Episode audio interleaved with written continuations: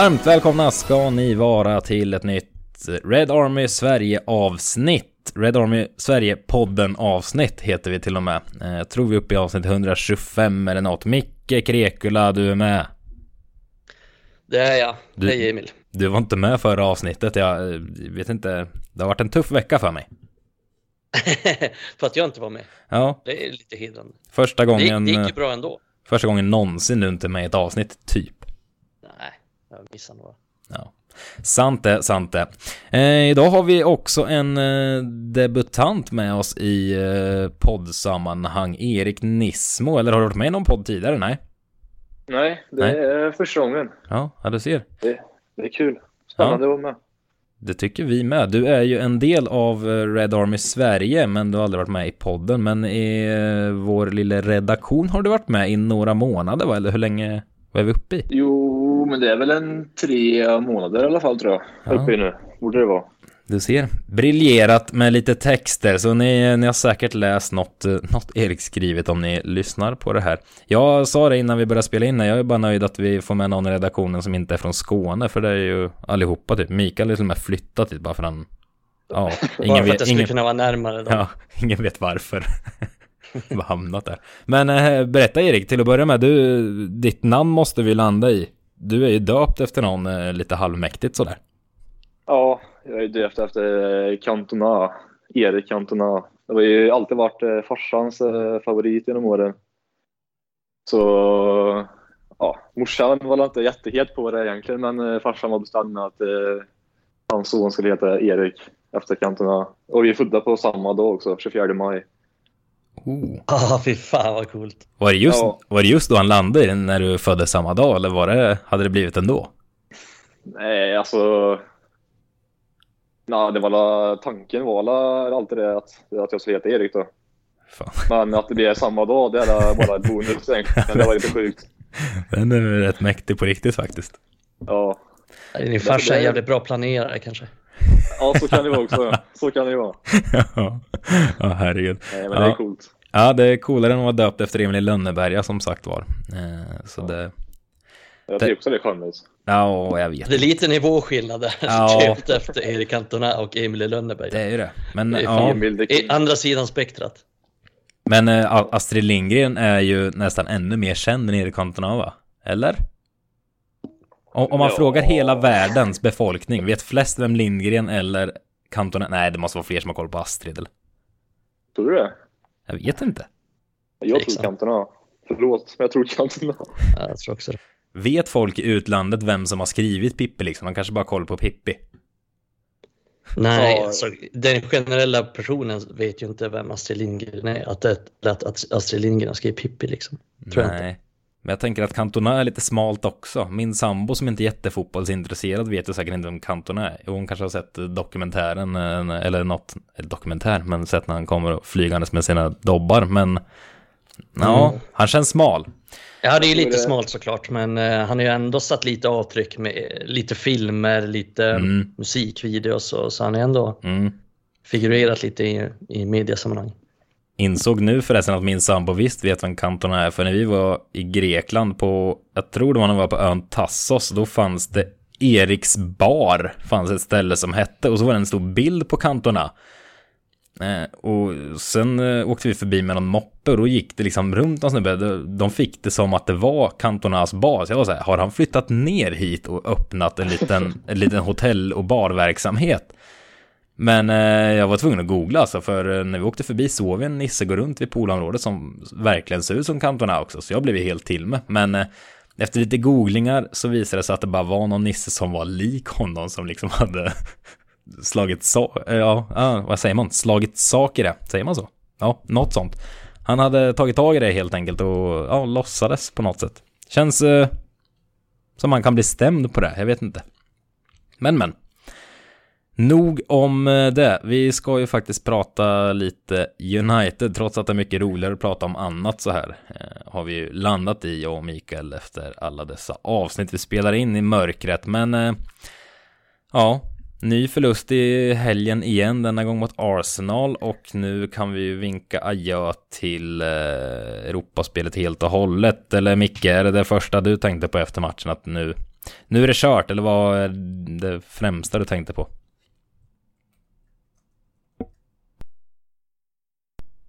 Har Mikael glömt att unmuta sin mick nu?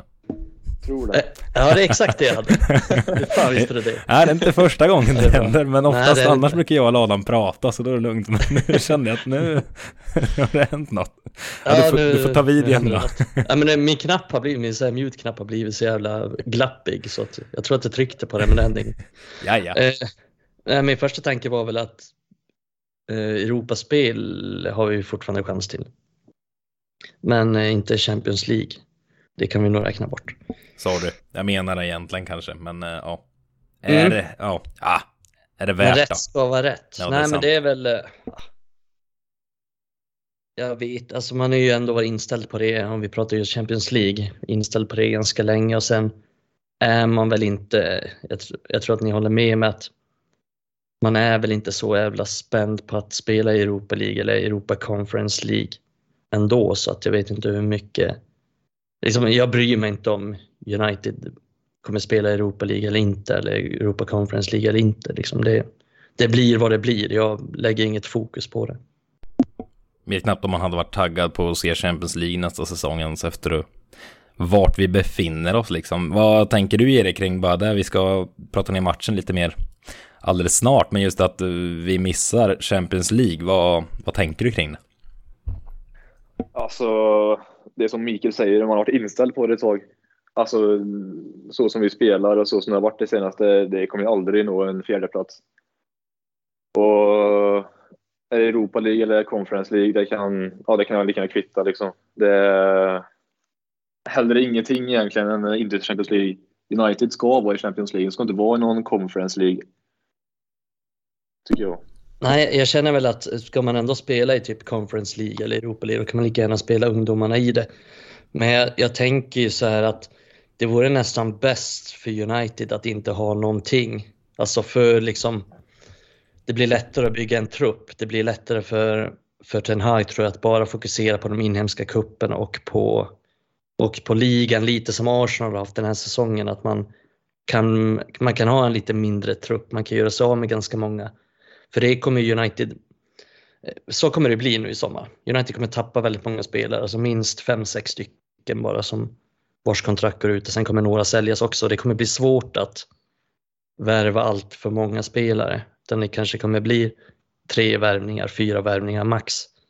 Eh, så jag tror att det på ett sätt är det ganska bra tror jag att man kan, att man kan bygga truppen på det sättet och inte ha för många distraktioner för att Europa League, då måste man ändå man måste ändå satsa lite på det om man ska vara med i det. Man kan inte bara liksom ställa ut skorna för då kommer man åka ut i det. Mm. Eh, Så någonstans tror jag att det kan vara bra att inte ha allt för många sådana turneringar. Mm. Eh, Arsenal är ganska rimlig jämförelse också, deras säsong i år tycker jag. För, ja men som du är inne på, hade de haft Europaspel i år, eh, framförallt Champions League eller Europa League så kanske. Alltså de hade inte kunnat spela, för alltså de har ju gått stenhårt på de här eh, Saka, Ödegård nu. Eh, ja, men det är många spelare, Lacazette för all del, det är många spelare som liksom gått väldigt tungt och de har ju spelat i princip varje match. Det de bärande spelarna Svårt att se att Saka skulle kunna lira alla matcher om de skulle haft Europaspel och då. Mm. Ja, ah, vet 17 som... Ja, men samma där med Spurs också som åkte ut ganska tidigt. Ja, precis. Ja, de kör ju Mm, också exakt samma elva hela tiden. Det är ju liksom, Mm. ja. Nej, för, deras, för deras del hade det blivit svårt att dubblera framförallt eftersom de är så ja, men de förlitar sig så mycket på Son och Kane till exempel. Så ja. det blir tungt för dem. Och plocka de två gubbarna i ett par seriematcher, då, då är ju Spurs liksom ett lag för fight om topp 12 typ. Så det, ja, det är intressant, men vi får se um, vart exakt vi landar, men eh, Champions League kan vi nog vinka adjö till. Helt, helt otroligt att vi ändå levt så här länge med tanke på hur illa det vart. Alltså varken Spurs eller Arsenal känns ju som de vill ut i Champions League heller. Det, det är anmärkningsvärt, men eh, angående matchen mot Arsenal, alltså det, det jag, eh, något som fastnade hos mig, många har ju, ja, många småjublade lite när Maguire nu var på bänken. Nu vet vi inte, det var, ju ett eh, jävla bombhot rent ut sagt mot hans familj. Eh, oerhört sjukt att någon får för sig göra det, för man tycker att någon är dålig på fotboll. Men eh, så vet jag inte om det var därför han var bänkad, kanske eventuellt, eller så. Delvis. Ja, delvis och delvis för han inte varit bra som vi alla vet. Men någonstans, man gläds inte att det så sjukt dåligt ut ändå. Men någonstans blir man så här, ja, det ser ni alla som bara jublat, Maguire är borta nu. Försvaret såg ju fruktansvärt ut ändå. Eller är det jag som är snett på det? Visst, visst såg det lika illa ut ändå? Det var lika illa. Folk, folk är ju så lätt för sig att bara skylla på Maguire hela tiden. Men ytterbackarna, Dalot, Tejes, liksom, de, de är inte bättre någonstans. Det är ju så sjukt. Oh. Så visst, Maguire, han är, han är ingen uh, världsback på något sätt och sådär. Men han kunde ta på sig all skit hela tiden som han får. Tycker inte jag. Nej, nej, precis. Det är som du säger, man gör det lätt för sig och tror att det ska bli någon större skillnad för att spelare A är borta och spelare B spelar istället. Eh, så är det inte fallet i det United. Och det förstår jag inte riktigt att folk tror heller eftersom United-supportrar borde vara vana vid att ja, men vi har haft liksom 50 olika spelare de senaste säsongerna. Det har inte varit någon större skillnad ändå. Det är liksom inte jag tror inte det spelar allt för stor roll vilka spelare det är och vilka spelare som har varit. Utan saker har sett ganska mycket samma ut ändå. Eh, sen tänker jag just den här säsongen så är ju men vårt kollektiva försvarsspel är ju för dåligt. Det har varit dåligt hela säsongen egentligen. Det, så det, det, är ingen nytt, det spelar inte någon roll vem som spelar, om det är Shaw som spelar eller om det är Telle som spelar, om det är Fanbisaka eller om det är Dalot eller om det är Maguire eller om det är Lindelöf eller Varann eller Jones eller vem det är. Utan det är, det är liksom hur hela laget försvarar är för dåligt den här säsongen och det är, det är ingen skillnad om det är Maguire som spelar eller sitter på bänken, vilket vi såg ett bra bevis på nu. Nej, och där nämnde rabblade du upp uh, alla backar vi har i truppen, förutom stackars Erik Bajy tror jag. Uh, men uh, Alltså det är också lätt att glömma tror jag i det hela att det är inte bara fyra i en backlinje och en målvakt som försvarar i fotboll. Alltså Uniteds kollektiva försvarsspel som du var inne och touchade vid, alltså det är ju så uselt så det finns inte. Alltså Jadon Sancho verkar inskrivet i kontraktet att han inte behöver försvara, så han skiter fullständigt i det och det är så här en gubbe vi nu liksom målat upp att åh den här, det är en av få små ljuspunkter kanske att han kan vara kvar i många år och han kan vara bärande spelare.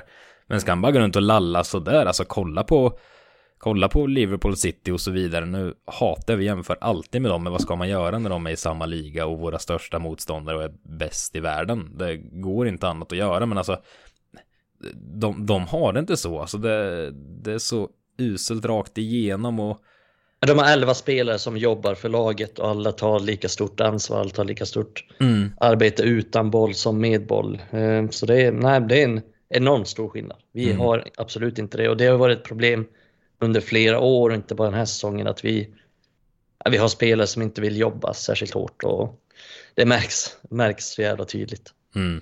Och jag tänker också mittfältet syns ju rätt tydligt också på. Vi har varit kritiska mot in i mittfältet och spelandet med boll ska väl kanske komma in på senare men det är så lätt att kri vara kritiska mot dem också men det springer liksom två stackare där oftast Fred och McTominay de ska ju täcka liksom alltså det är sådana ytor, de täcker ju 80% av den här fotbollsplanen för alla andra lag bara står och pillar i naveln eller något. Så det... Nej, det är...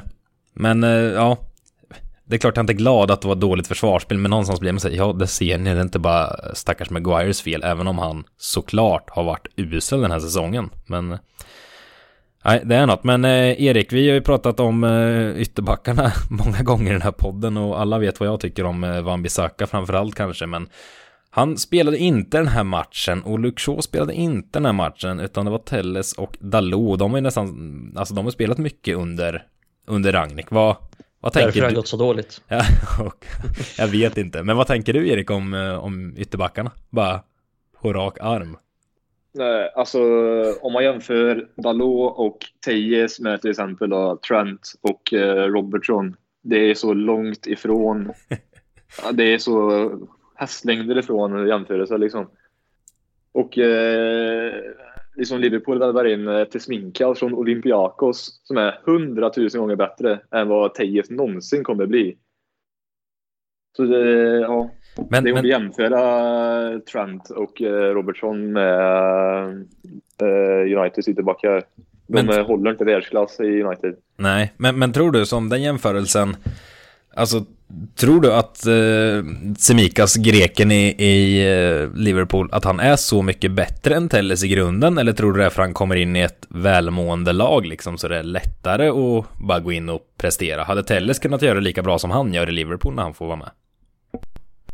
Alltså, säger han är en bättre fotbollsspelare säkert i grunden, men det är som du säger att eh, Semikas, han kom in i ett Liverpool som är, de är oslagbara liksom. Och han passar ju in med sin eh, fart och speed. Eller, gör han ju. Det är ja, svårt att säga om Teis hade gjort det eller inte, men ja. Mm. Jag tror så här att det handlar om profilering av spelare. Att sätt, äh, sätt Teres mot Robertson i ett 100 meters lopp och Robertson springer förbi honom två gånger. Eh, han är så pass mycket bättre fysiskt och det är väl det som jag tycker är det stora problemet med Alex. Det är att han, han kan ju knappt springa. Eh, och så ska man ha liksom en dagens moderna fotboll och framförallt i Premier League där mycket handlar om att ytterbackarna ska komma upp och ner hela tiden på sin kant och ska äga sin kant. Och de ska liksom stå för ganska mycket av kreativiteten i många lag. Framförallt i de, i de större lagen. Men äh, han, är, han är ruggigt svag fysiskt. Det är väl det som är hans stora problem, tycker jag. Sen, sen tycker jag inte han är särskilt bra på någonting egentligen, förutom jag menar, han har hyfsad fot liksom på en fast situation, men det räcker ju inte i ett, i ett lag som aspirerar på att vinna de stora titlarna. Nej. Men... Ska, ska United ut i Europa och Champions League igen och kunna slåss om eh, Premier League-titeln så måste man ha bra ytterbackar. Så är det bara. Det ser du ju liksom i Manchester, Manchester City och Liverpool. De har ju sina ytterbackar, det har ju inte United. Nej. Även, alltså det går ju alltså, det går att kolla på de andra med. Eh, Chelsea med Reece James och Chilwell, nu är han skadad i och för sig, men och Alonso för den delen där också. Vi har Tottenham med med Regulon och Doherty och, ja men alltså det är ändå spelare som är liksom offensivt lagda och liksom bidrar framåt. Likaså Arsenals ytterbackar, Tierney har de haft och, vad heter han, Tomiyasu. Och lite lirare, alltså det, det, är ändå spelare som bidrar framåt. Sen är inte alla av dem jag nämnde nu världsklass, men det är ändå de erbjuder något som Uniteds ytterbackar inte ens funderar på att göra. Men vad, alltså, vad tror ni till nästa säsong? kan någon av de här fyra ytterbackarna vi ändå använt oss av i år, alltså är det någon av dem som räcker till, som vi borde ha kvar och satsa på framöver, som kan, kan vara med och bidra? Ja, men jag tänker väl att Luke Shaw är väl den med högst potential, men han är ju också latast av dem alla. Eh, och det säger väl en del också i det gänget. Eh, sen är ju fan Bisaka, så det är ju jag tycker ju att Fambisaka är snäppet bättre än Dalot faktiskt. Men det är främst för, främst för att jag tycker att Dalot är så enormt jävla dum i huvudet. Oh. Som spelare. Men eh, sen tror jag väl inte att det räcker. Det är väl framförallt högerbacken som jag är lite orolig för. För att jag tror att ja, men får man ordning på Luke Shaw då kan han hålla en säsong liksom som en, som en okej okay ytterback. Liksom. Det, det går att göra värre. Men högerbacken är jag riktigt orolig för. för att både Dalot och Fambisaka är inte bra nog.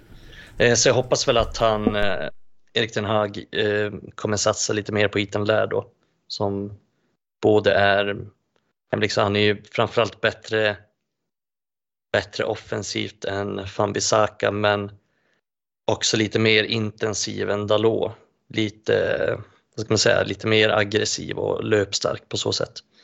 Eh, så jag hoppas och tror att han kommer ge honom chansen för jag ger inte mycket hopp med Dalot och Fambisaka. Ingen av dem kommer glänsa under Erik Ten Hag och inte under någon annan manager heller för en del. För det är väl ändå något mycket du som har bäst koll i världen på ungdomar och utlånade spelare. Det finns ju ändå lite återväxt på ytterbackspositionerna. På högen har vi Laird som sagt var. Eh, på vänsterbacken har vi dels eh, Alvaro Fernandes eh, ungtuppen som gör det bra. Och sen har vi ju också Williams som varit utan till Norwich den här säsongen. Och han, jag läste något senast i morse, eller om det var igår. Att han hade uttalat sig om att hans mål nästa säsong är att slå sig in i United och ta en tröja liksom. så vi har ju honom där också, så det finns väl ändå lite återväxt på, på ytterbacken. Bara, sen ska de ju slå sig fram också. Ja, men det finns det väl, men eh, just Alvaro Fernandes är ju lite tveksam om han är redo till nästa säsong. Han har fortfarande en del defensiva brister. Sen är han...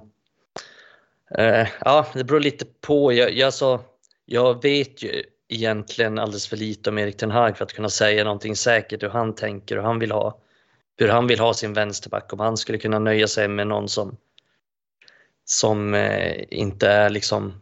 För Alvaro Fernandes är lite, lite långsam.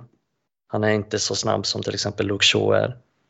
Eh, eller Fambisaka för den delen heller. Eh, så det, det beror lite på. En sån sak tycker jag är svårt att uttala sig om men det skulle vara intressant att se dem få chansen i alla fall för att där finns det en potential som inte riktigt finns i de andra ytterbackarna. Mm. Nog om eh, backar känner jag. Jag är trött på dem allihopa. Och en till jag är trött på är i och för sig eh, Bruno.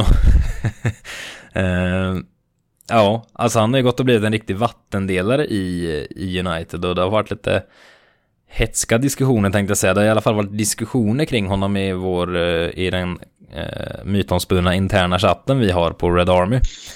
Eh, Mikael, du och jag är ju hyfsat överens om att vi tror inte att Bruno, han håller liksom inte yppersta världsklass i spelet. Sen eh, i avslutslägen och i bringa poäng liksom, där, där kanske han är där. Men att det inte riktigt räcker till om United ska ta nästa steg. Var, vart står du Erik? Är du i ringhörnan att uh, vi borde fortsätta plock, lyfta upp Bruno som en nyckelspelare eller uh, vad, vad tänker du? Eh, jag tror på Bruno, Eh, det gör jag han har visat ända sedan han kom från Sporting att han, han ger sina poäng och han bidrar, tycker jag, med sina passningar och sånt där i löpet, eller i, i spelet. Han kan ju göra liksom det oväntade och sånt där som ingen annan kan göra United egentligen. Och eh, ja, innan han kom så hade vi liksom Andreas Pereira som hetaste alternativet, eller Juan Mata. Och det, det funkar ju inte. Pereira kanske kommer tillbaka och utmanar ja, honom i sommar igen. Jag läste, jag läste det förut. Då lägger vi ner. ja, då lägger vi ner alltihop alltså. Nej, men jag, jag tror på Bruno faktiskt. Jag tycker United ska fortsätta och ha han och satsa på han. Han är mm. viktig. Han gör sina poäng. Det är viktigt.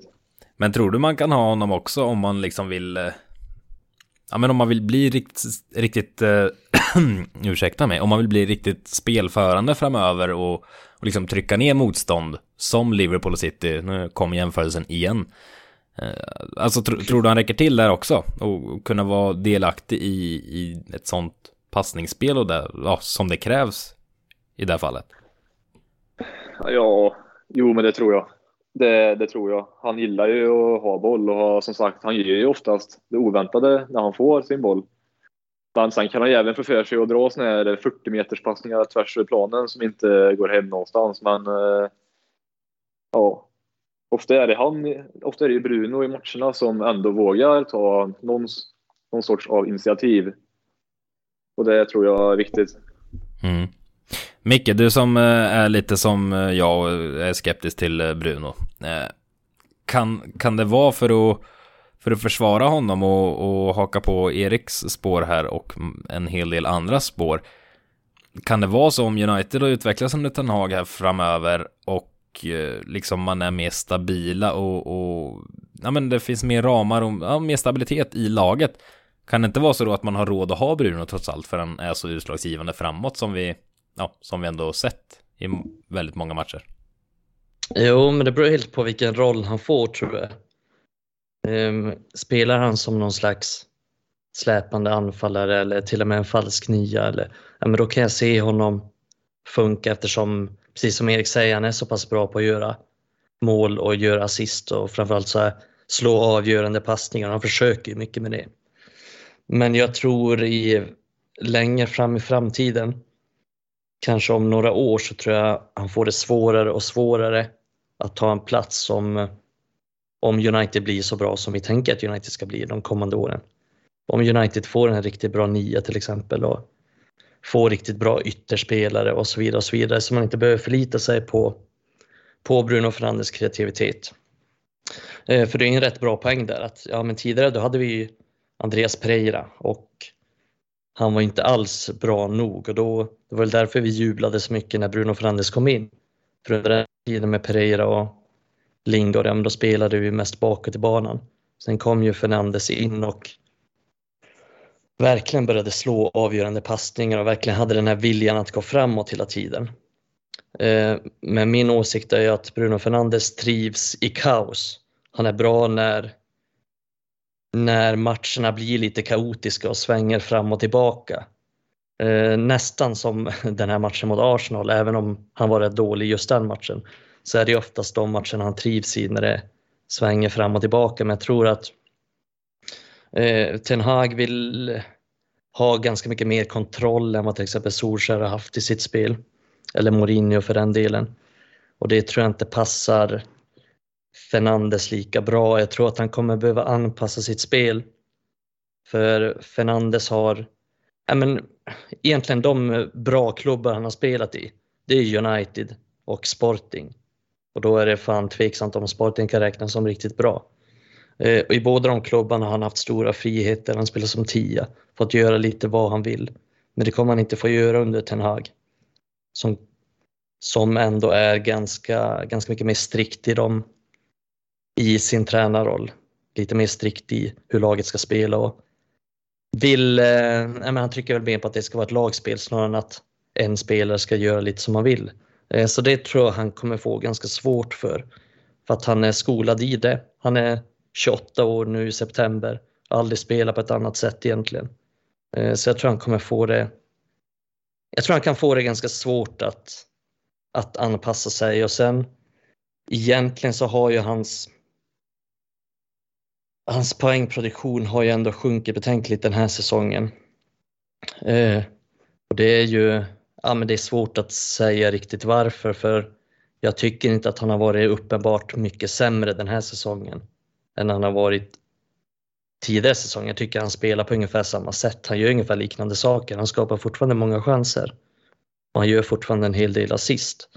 Det är väl egentligen att han inte har gjort lika många mål som har varit skillnaden den här säsongen. Annars tycker jag att han spelar ungefär likadant. Eh, så mitt problem är snarare, snarare hur han spelar, att han tappar bollen så pass mycket att han är eh, tycker han är dålig defensivt så är det svårt att se om Folk pratar ofta om att han ska vara en av åttorna eller att han ska vara mittfältare. Jag tycker han är sjukt kass som mittfältare. Eh, dels tycker jag han har svårt i liksom så här speluppbyggnaden. Han har svårt att hålla i bollen, han har svårt att värdera när han ska slå avgörande passningen, när han ska hålla i bollen. Sen, vilket vi såg nu mot Arsenal, och han har gjort det fler gånger den här säsongen också, felvänd, kan ofta tappa bollen i farliga situationer. Typ som Arsenals 3-1 mål här.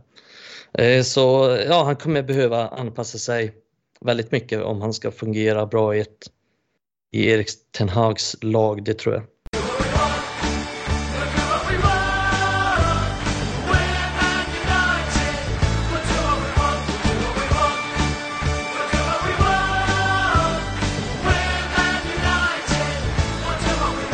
En annan som är kanske ännu större vattendelare tänkte jag säga, i alla fall eh, globalt sett så, eh, är ju ändå Cristiano Ronaldo. Alla har en åsikt hela tiden, är känslan.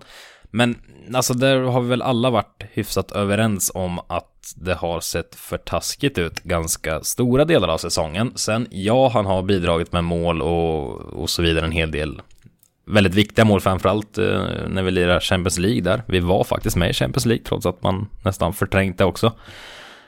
Men, och jag har ju varit väldigt, väldigt att jag tycker att han ska inte med nästa säsong. Och jag tycker nog det fortfarande i grund och botten, för jag tycker vi ska bygga nytt nu med Ten Hag och så vidare. Men jag tycker ändå senaste matcherna, senaste tiden, mot Arsenal tycker jag han var vår klart bästa utespelare. Han gjorde hattrick dessförinnan och så vidare. Någonstans ser jag något annat. Det känns som han liksom har accepterat lite att United inte slåss om titeln längre och han hjälper till mer, han brinner mer för, för mer än sig själv och sitt egen målproduktion tycker jag. Vad, vad tycker du Erik? Har du sett samma eller är det jag som fått för mig något? Jo, men det, det kan jag hålla med om. Man såg eh, under vissa perioder mot Arsenal nu senast så han tog eh, hemjobbet. Han var till och med nere i mm. eget, eget straffområde och ja. försökte vinna tillbaka bollen. Så det har man inte sett tidigare i säsongen. Så det är bara positivt egentligen att han börjat tänka så och inte bara på sitt egna ego. Mm. Men tror du han kan vara kvar nästa år och bli något och eller nästa år, nästa säsong blir det ju. Eh, vi har ingen aning om han blir kvar eller inte. Men eh, jag, jag tror han kan vara en, en viktig kugge i, i Ten Hags bygge eller kommer han mest vara i vägen med den liksom stjärnglansen och den statusen han har? Ja, jag hoppas på att han, eh, att han är kvar.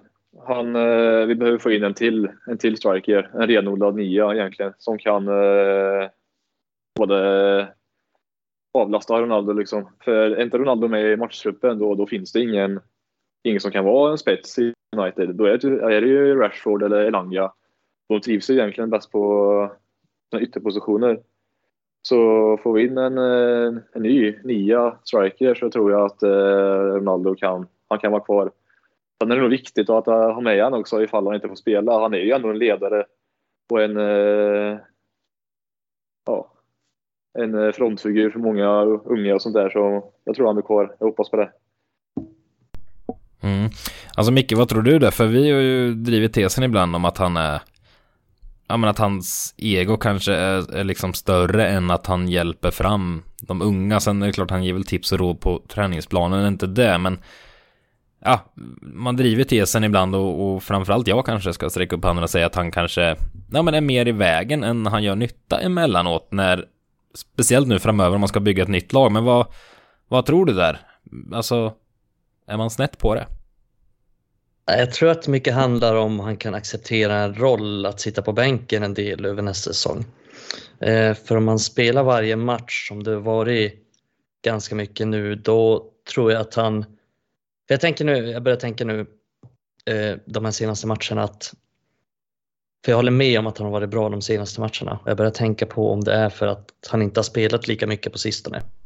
Ja, inte bara bra, att han varit bra, utan just att han, det är någon annan Ronaldo vi ser tycker jag, inte lika ja, men han, han, självupptagen. Nej, jag vet, jag, jag vet, men det är ju, tänker jag, för att han inte är lika liksom, han kanske inte är lika trött fysiskt. Han orkar mer.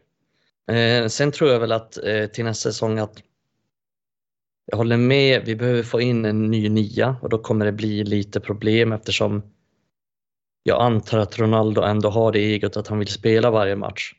Men det är kanske inte han håller för riktigt. Sen är det svårt också att ha en spelare, han tjänar liksom 500 000 i veckan. Svårt att ha honom på bänken och speciellt när den spelaren heter Ronaldo. Ehm, så det beror lite på hur han accepterar det. Jag hade väl tyckt att han är bra att ha i truppen på så sätt eftersom han kan ju uppenbarligen göra saker som få andra i den här truppen kan. Men sen ska man också komma ihåg att det är så lätt att ha det här korta minnet av att ja, men nu har han varit bra de här två, tre, fyra senaste matcherna, men det har inte riktigt varit så egentligen hela säsongen. Kollar vi bara på 2022 så, är det bara, så har han bara gjort mål i fyra av 15 matcher. Eh, så även om jag tyckte att han var bra mot Arsenal nu så, så är det ju fortfarande det här lilla problemet också om att blir laget verkligen bättre med honom? Jag menar, han, han hade en press i sista tredjedelen mot Arsenal och Enketia hade 16 till exempel. Eh, så jag tror att alla Ronaldo-fans kommer att bli arga, men det är inte så att jag menar att han är dålig som spelare, det är han absolut inte. Jag tror bara inte att vi som lag har råd med den typen av lyxspelare eftersom han inte är jag tror inte han är nog bra liksom över en hel säsong för att väga upp för alla de sakerna. Eh, men det, jag tycker det ska, det ska, bli spännande att se hur, hur Ten Hag, hur han eh, hanterar det. För han kommer ju, eller jag hoppas och tror och har fått det intrycket att han är en tränare som, men han vågar, han tror på sin idé och alla som inte passar in i den idén eller inte vill liksom anpassa sig till det, ja, de kommer inte få spela. Och det trodde jag i och för sig med Rangnick också, men så blir det verkligen inte med Rangnick. Det är en stor besvikelse, men mm. jag hoppas och tror att Ten Hag står på sig där och ja, eh, jag, vet inte det. det. är svårt att säga och samtidigt ur Ronaldos synpunkt så kan man ju tänka sig att ja, men han är väl kanske inte så sugen på att inte spela i Champions League till exempel. Men samtidigt är det ju ett VM och han vill definitivt vara med i det VMet så det är en risk för honom också att byta klubb. Han är ju ändå så pass gammal att går han till PSG till exempel, då riskerar han att inte platsa i PSG. Eh, så det är också en risk för honom där i att han vill komma i bra form till VM och det är kanske tryggast för honom själv att stanna kvar i United. Och han har ju bara kontrakt eh, den här säsongen och sen en säsong till. Eh, så det är inte så att han sitter på ett fyraårskontrakt och bara är sjukt missnöjd utan han kommer ändå snart lämna klubben. Han kommer inte vara här så länge till. Så det kommer bli en intressant situation. Det är en svår fråga att svara på men jag tror eh, efter att ha hållit monolog i 7-8 minuter nu så tror jag så här mitt kortsiktiga svar är, jag sitter och resonerar med mig själv, ja. det jag Men då tror jag mitt kortsiktiga svar är att eh, används han sporadiskt, inte spelar exakt varenda match i 90 minuter, då tror jag han kan göra mycket nytta. Men ska han vara liksom som det har varit den här säsongen, att han ska vara det självklara valet, att han ska spela 90 minuter varenda match, ja, då tror jag det kommer bli tufft för att han Hans grej har ju alltid varit att han är bra i varenda match, liksom, att han gör mål i nästan varenda match. Men det gör han inte längre. Det är väl det han har tappat lite, att han inte orkar hålla uppe den nivån i 90 minuter i varenda match. Eh, så det är därför han kan göra ett hattrick i en match och sen kanske han inte gör mål på fyra matcher. Men eh, vi kan ju inte riktigt ha den spelaren. Jag kommer ihåg eh, Dimitar Berbatov hade ju en sån säsong där han gjorde typ, ja men han kunde göra ett hattrick en match. Sen gjorde han inte mål på fyra matcher och sen gjorde han ett hattrick igen. Han, jag tror han vann skytteligan eller kom tvåa i skytteligan den säsongen. Eh, men han fick inte ens plats på bänken i Champions League-finalen. Eh, så det är nästan lite sån säsong jag ser på Ronaldo, att han, han har, han har varit bra i vissa matcher. Men det är många matcher också där han inte har varit särskilt bra. Som sagt, bara mål i fyra av 15 matcher under 2022 så det är inte så att han har presterat klockrent varenda match. Nej. Nej, eh, jag tycker det är intressant, men bara en tanke som slog mig här och nu.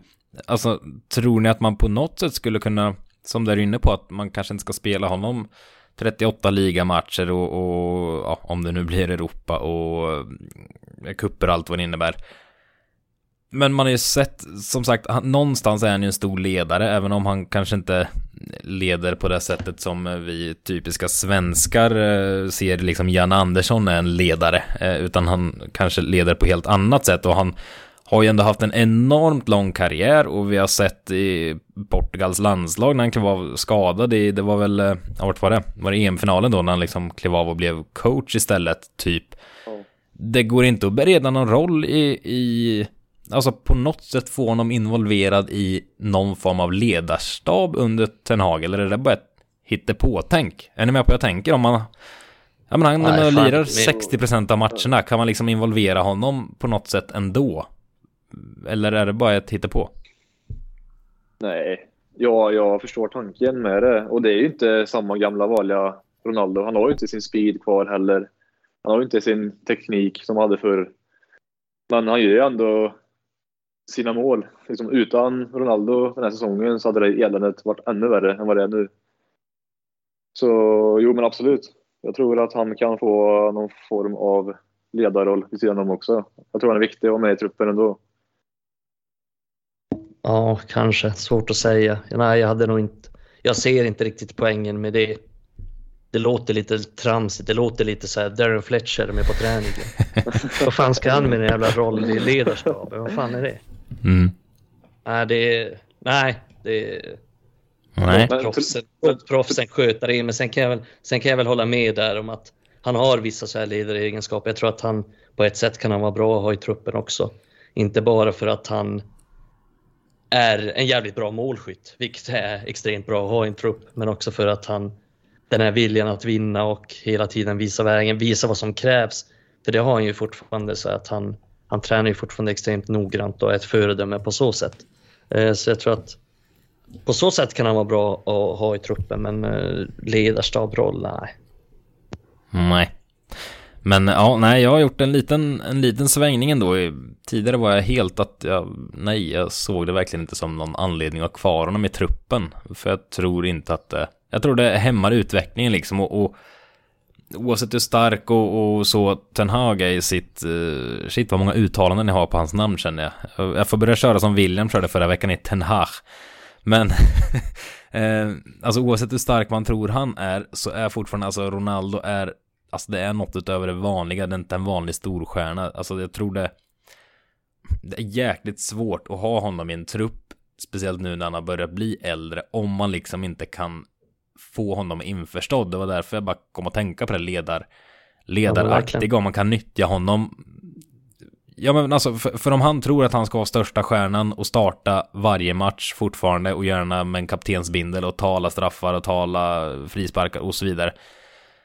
Då tror jag vi hämmar utvecklingen. För det, det stoppar upp eh, Ten Hags alltså, tankar och, och, filosofi och då, då är det inte bra. Men kan man få Ronaldo och så här du med de här typen av matcherna, i övrigt vill vi ha med dig, för som du är inne på Micke, alltså hans professionalism är ju liksom, det är utöver det vanliga också. Så mm. där kan han ju verkligen vara viktig, men vi kan inte ha en Ronaldo som förväntar sig något han inte får, för då tror jag han blir en riktig börda för klubben, alltså, för han är så pass stor och han har så pass stor supporterskara också på något sätt som nästan skulle ställa sig i hans ringhörna snarare än Uniteds i vissa fall, även om det inte ja, jätteviktiga supportrar på så sätt och lite plastigt kanske så, så är de så många så det skulle liksom bli en, en opinion mot det hela ändå och då, då tror jag faktiskt det är lite nej, då är det farligt alltså. Så man måste nog etablera på något sätt vad, vad hans roll blir. Om United klarar ja, av måste, det vet jag inte. Ja, men vi måste bygga ett lag någonstans och mm, precis. säga vad man vill om Ronaldo, men oftast, eller i nästan alla lag så har man byggt efter honom. Man har byggt anfallsspelet just efter honom för att anpassa sig till det. Det kan vi inte riktigt göra nu tror jag för att han är inte tillräckligt bra för det. Nej herregud, han närmar sig 40 inom ja, ja, liksom. det, det, det går ju inte att det. bygga liksom... runt honom. Det är helt Nej, snett när man ska bygga från konstigt. grunden här. Exakt. När vi gjort så, så det är inget rätt. konstigt med det egentligen. Han är, det är få spelare som är tillräckligt bra för att man ska kunna bygga för honom och Ronaldo har varit så bra men han är inte så bra nu. Eh, så, så vi måste först och främst bygga ett lag och det är det jag tror Ten Hag kommer göra. Men, och då är det svårt liksom att, att få in Ronaldo i det. Jag har sett mycket, det är mycket diskussioner nu. Ja, men vi vore där om inte Ronaldo hade gjort alla mål. Ja, men oftast när inte en spelare gör alla mål, vilket ja, men Ronaldo har i princip gjort alla Uniteds mål den här säsongen, då brukar det sprida ut sig på andra spelare. Men det är så när man bygger just efter honom så, så mm. har det blivit så att han har, den, han har varit den som har gjort dem, mm. de flesta målen. Eh, en eh, sista spelare jag bara vill eh, prata ner efter Arsenal-matchen egentligen, men det, det, är inte specifikt den matchen egentligen.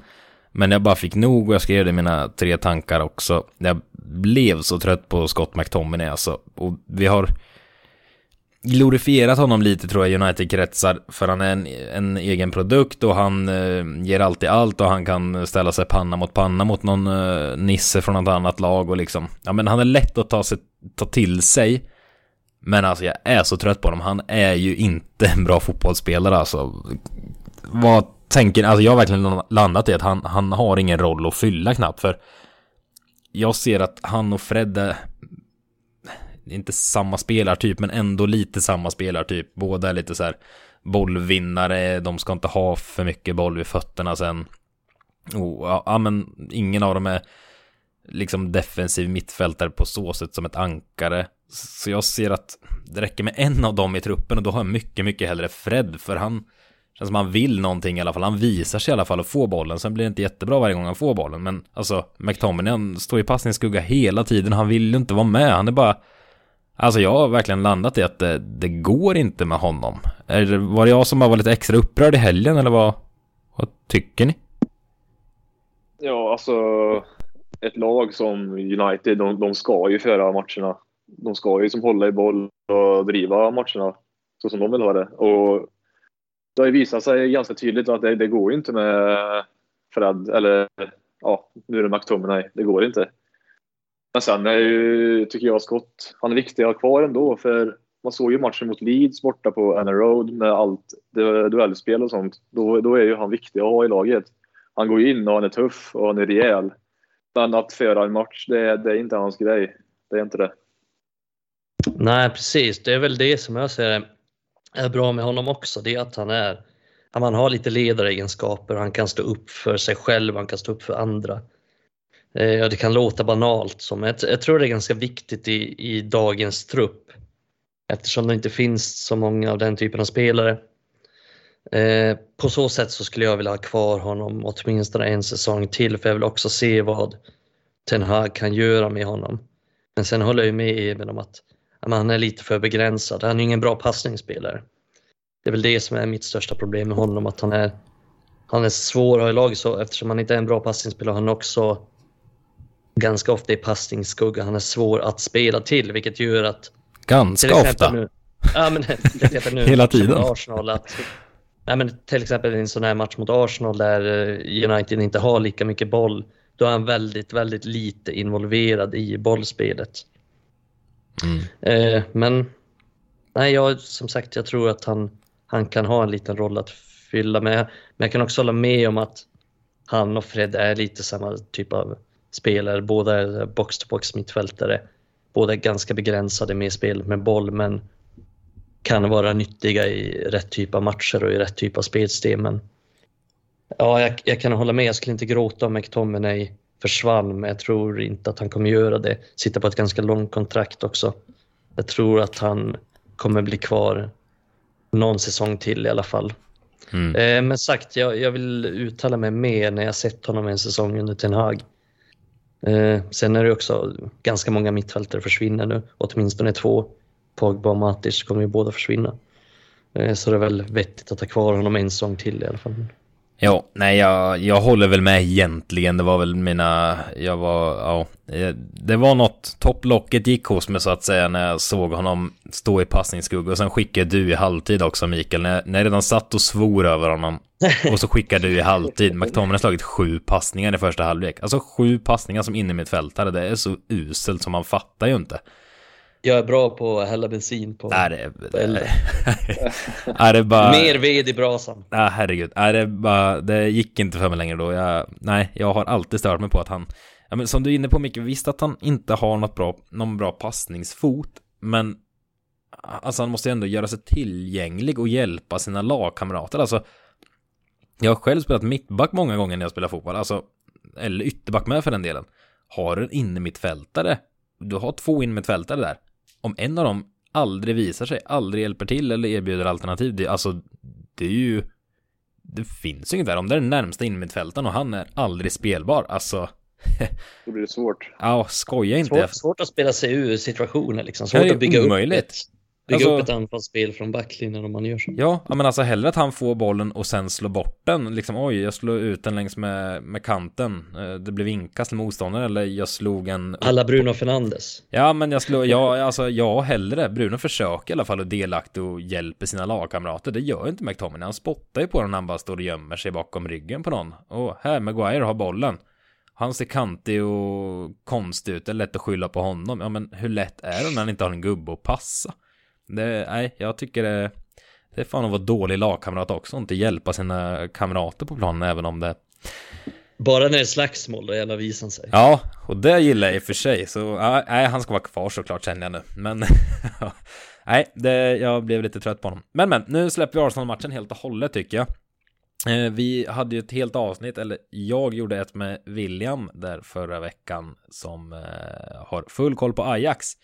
Lyssna gärna på det avsnittet om ni inte hört det, för vi pratade Erik Ten Hag då och eh, då var det inte officiellt klart när vi spelade in det. Det blev det, vad var det, dagen efter eller två dagar efter. Så blev det officiellt och det känns ju som det är samstämmigt positivt. Eller vad, vad känner vi nu när det är klart? Är det bara, bara lycka och glädje? Jo, det är skönt att det är en eh, lösning som kom i hamn för en gångs skull att det blir klart med någonting. Dock har jag lite dålig koll på honom som innan, men eh, han har ju spelat sin anfallsglada fotboll i alla fall. Han var ju nära på att ta Ajax till eh, Champions League-final liksom. Han åkte ut mot Spurs i sista sekunden nästan. Mm. Så, ja. Men han borde ju passa bra i United eftersom att de ska spela anfallsinriktad fotboll och inte några skitkontringsspel mm. som de har gjort under Ole. Men finns det mm. någon risk att, alltså, för som du är inne på Erik, alltså de, de flesta har ju inte jättebra koll. Det är inte jättemånga, i alla fall inte här i Sverige och svenska supportrar som vi mest beblandar oss med. Men även andra ska sägas. Det är inte jättemånga som sitter och ser Ajax-matcher och sett Ten Hag jätteofta. Ändå är det ju väldigt, väldigt många som liksom, ja, Ten Hag ska vi ha, vad bra, oh, nu löser det sig. Alltså har det bara blivit lite populärt att heja på honom? Vet vi att det verkligen blir bra känner jag någonstans. Det är klart det inte är en garanti, men förstår ni vad jag tänker? Att det, kan det bara blivit så att opinionen nu är att man ska tycka att Ten Hag är kanon? Vet vi om man är det verkligen? Lite Nej, läskigt. det blir lite läskigt är det. Det har ju vi sett det med José Mourinho. Det var ju likadant där. José ska vi ha. Han är ju toppentränare. Ja, gud så bra det gick. Så ja, jag vet inte. Det är farligt. Vi får se. Hoppas på det bästa bara. Mm. Mm. Nej, men det, det som är svårt är väl att han är i holländska ligan och hade vi värvat en spelare till exempel för holländska ligan då hade ganska många varit kritiska tror jag. Att ja, men bara presterat liksom i holländska ligan. Hur bra är han egentligen? Och det är ett jävligt stort steg. Oavsett, nu är det ju Ajax som är en stor klubb och har varit bättre än United de senaste säsongerna, det får man ändå säga. Eh, så är det ändå ett stort steg från Ajax, från holländska ligan till United och Premier League. Eh, men det som jag ser som det positiva det är väl att han har tagit sig långt i Champions League och presterat bra i Champions League. Eh, det är väl det som jag ser som det säk säkra kortet. Då. Men sen är han ju såklart inte ett säkert kort på annat sätt. Utan det är liksom, han har inte tränat så stora klubbar heller. Han har inte så mycket erfarenhet på den högsta nivån. Eh, men jag tycker han är det mest spännande valet och det är väl därför alla är så positiva till det. För att äntligen får vi en tränare som spelar en, en modern och progressiv fotboll. En tränare som, som inte riktigt har haft innan. En tränare som eh, vill ha mer kontroll i sitt spel, som vill ha mer bollinnehav och som vill, som Erik säger, också spela offensivt. Uh, varken Mourinho eller Ole tycker jag var särskilt offensiva av sig utan de var ganska mycket säkerhetsbältet på först. Och ville spela kontringsfotboll också så jag tror att det är väl det som folk tycker är intressant. Det är en, en ny stil och en ny typ av tränare som är väldigt taktiskt orienterad, väldigt taktiskt inriktad. Mm. det var ju inte Ole för fem öre liksom. Han brydde sig inte ens om taktik. Eh, så det är väl det som jag tror folk tycker är intressant och som jag också tycker är intressant. Och, så det ska bli väldigt spännande att se. Sen är väl också, tänker jag nu bara, eh, att han är ju en del i något större också tycker jag som varit inne på mycket i podden ganska många gånger att att man har värvat in tänkte jag säga, men, ah, men man, man, har gjort, man har tillsatt fotbollsfolk i ledningen och det, ja, men det, det känns som det finns mer tanke bakom saker och ting och så även här. Det, det finns trots allt en tanke, mm. han är ingen garanti nej, men han är en del i det här att att det finns fotbollsmänniskor som sköter fotbollsbiten och inte Ed Woodward som inte vet vem Zlatan Ibrahimovic är innan han stod på Old Trafford i princip, alltså som inte har någon koll. Det mm. tror jag spelar stor roll i att jag också liksom sitter i, i, i den båten så att säga. Sen min grundfråga här var ju känslan nu när det är klart med Ten Hag och alltså Nej, jag har inget bättre alternativ, någon som hade känts bättre. Vad finns det egentligen för garantier? Fanns det någon garanti att Klopp skulle göra succé i Liverpool? Nej, egentligen inte. Så det är liksom av alternativen vi hade och där vi är nu. Han har byggt upp två Ajax-versioner egentligen också. Alltså för alltså det han byggde upp som, som slogs ut av Spurs där i semifinalen. Den versionen slogs ju i spillror i princip när van de Beek för all del försvann, eh, men eh, framförallt de Ligt och eh, de Jong kanske. Så liksom, han fick bygga upp på nytt, alltså han har liksom byggt upp från, inte från grunden, men han har ändå fått bygga upp två nya lag och det är ett nytt lag som ska byggas i United också, så det känns positivt och Ajax har många bra unga spelare, United har många bra unga spelare. Det, det finns, alltså Ajax är Nederländernas största klubb genom tiderna. United är Englands största klubb genom tiden. Det finns liksom något som det borde passa bra helt enkelt. Sen, mm. sen får vi se, jag är lite oroad eh, som sagt att uh, nu tänker alla, oh vad bra, nu kommer vi bli bra igen. Ja, tålamod alltså. Han är inte en trollkarl som kommer in och löser det här på två månader alltså. Det, det nej, händer inte. Det, nej, det viktiga är ju, är ju fortfarande det här med man måste värva rätt typ av spelare och få in rätt typ av profiler för hans fotboll. Men sen är jag ju mm. ganska övertygad om att han kommer få den här truppen att prestera ganska mycket bättre än vad, än vad Ragnik har fått till exempel nu. Mm. Eh, så jag är ändå positivt inställd till det, men som sagt, jävligt viktigt att få till de här värvningarna nu och få till, få till rätt typ av värvningar. Det är det som är det viktiga också. Sannerligen, sannerligen. Vi eh, ska blicka lite framåt också innan vi stänger ner det här. Eh, topp 4 är ju kört nu, det har vi nästan slagit fast, även om det inte är det rent teoretiskt. Men vad, vad tror ni? Vi har ju muttrat som fasen här nu att Ragnik, eh, ja, han har tre mittbackar på bänken. Bara för ett exempel, i helgen var det Maguire, Jones och Baji. Och han startar med gammelgubbar, Matic är med fast han ska lämna. Ja, nu kanske han ska spela eftersom eh, det saknas lite in i mittfältare och så vidare. Men ja, Mata hoppar in, Lingard hoppar in. Ni vet hur det är. Folk har skrikit efter Hannibal och det har skrikits efter andra ungdomar också. Tror ni vi kommer att se någon skillnad nu om liksom topp 4? För Ragnik sa ju själv efter matchen att han har gett upp topp 4 nu. Alltså, kommer vi se någon förändring eller kommer det harva vidare precis på samma sätt? Man kan ju hoppas i alla fall att man får se en liten glimt av uh, unga. Men uh, tyvärr, jag tror han håller sig till uh, sin uh, tråkiga startelva hela tiden. Det, mm. ja. Men vad har han att vinna på det nu? Om, om, det, om topp 4 är kört? Alltså för tidigare, jag vet Micke, du har ju drivit den tesen att han har liksom inget att... Han behöver inte investera för framtiden i, i United och liksom så här. För han ska ju typ inte vara kvar eller ja, han ska ha någon märklig konsultroll som ingen riktigt fattar. Men vad, vad har, och då kanske det har varit hängsen och livrem och nu jäklar vi kör de här spelarna för vi behöver ta oss in topp 4. Men om det nu är kört, vad har han för vinning att slänga in Mata? Alltså är det inte bara att spela alla så här Rashford, du har svikit mig, du har varit oduglig, du ska inte få spela mer här nu, nu slänger vi in någon annan rackare. Det, jag ser verkligen ingen anledning att fortsätta harva vidare med det här, men sen som du är inne på Erik, jag är inte övertygad om att vi kommer se någon förändring, men mm. jag ser ingen anledning att han ska fortsätta så här. Nej, men just mot Chelsea så tror jag att han kommer göra det. Ja, det är sant. Chelsea, jag tror inte han kommer Chelsea göra någon, ja, men jag tror inte han kommer göra någon ändring. Han kommer spela ungefär samma lag som han gjorde senast mot Arsenal. Eh, svårt att se att han gör några större förändringar så. Sen tror jag att han kan spela några yngre spelare i matchen efter det. Framförallt kanske näst sista och sista matchen och sådär.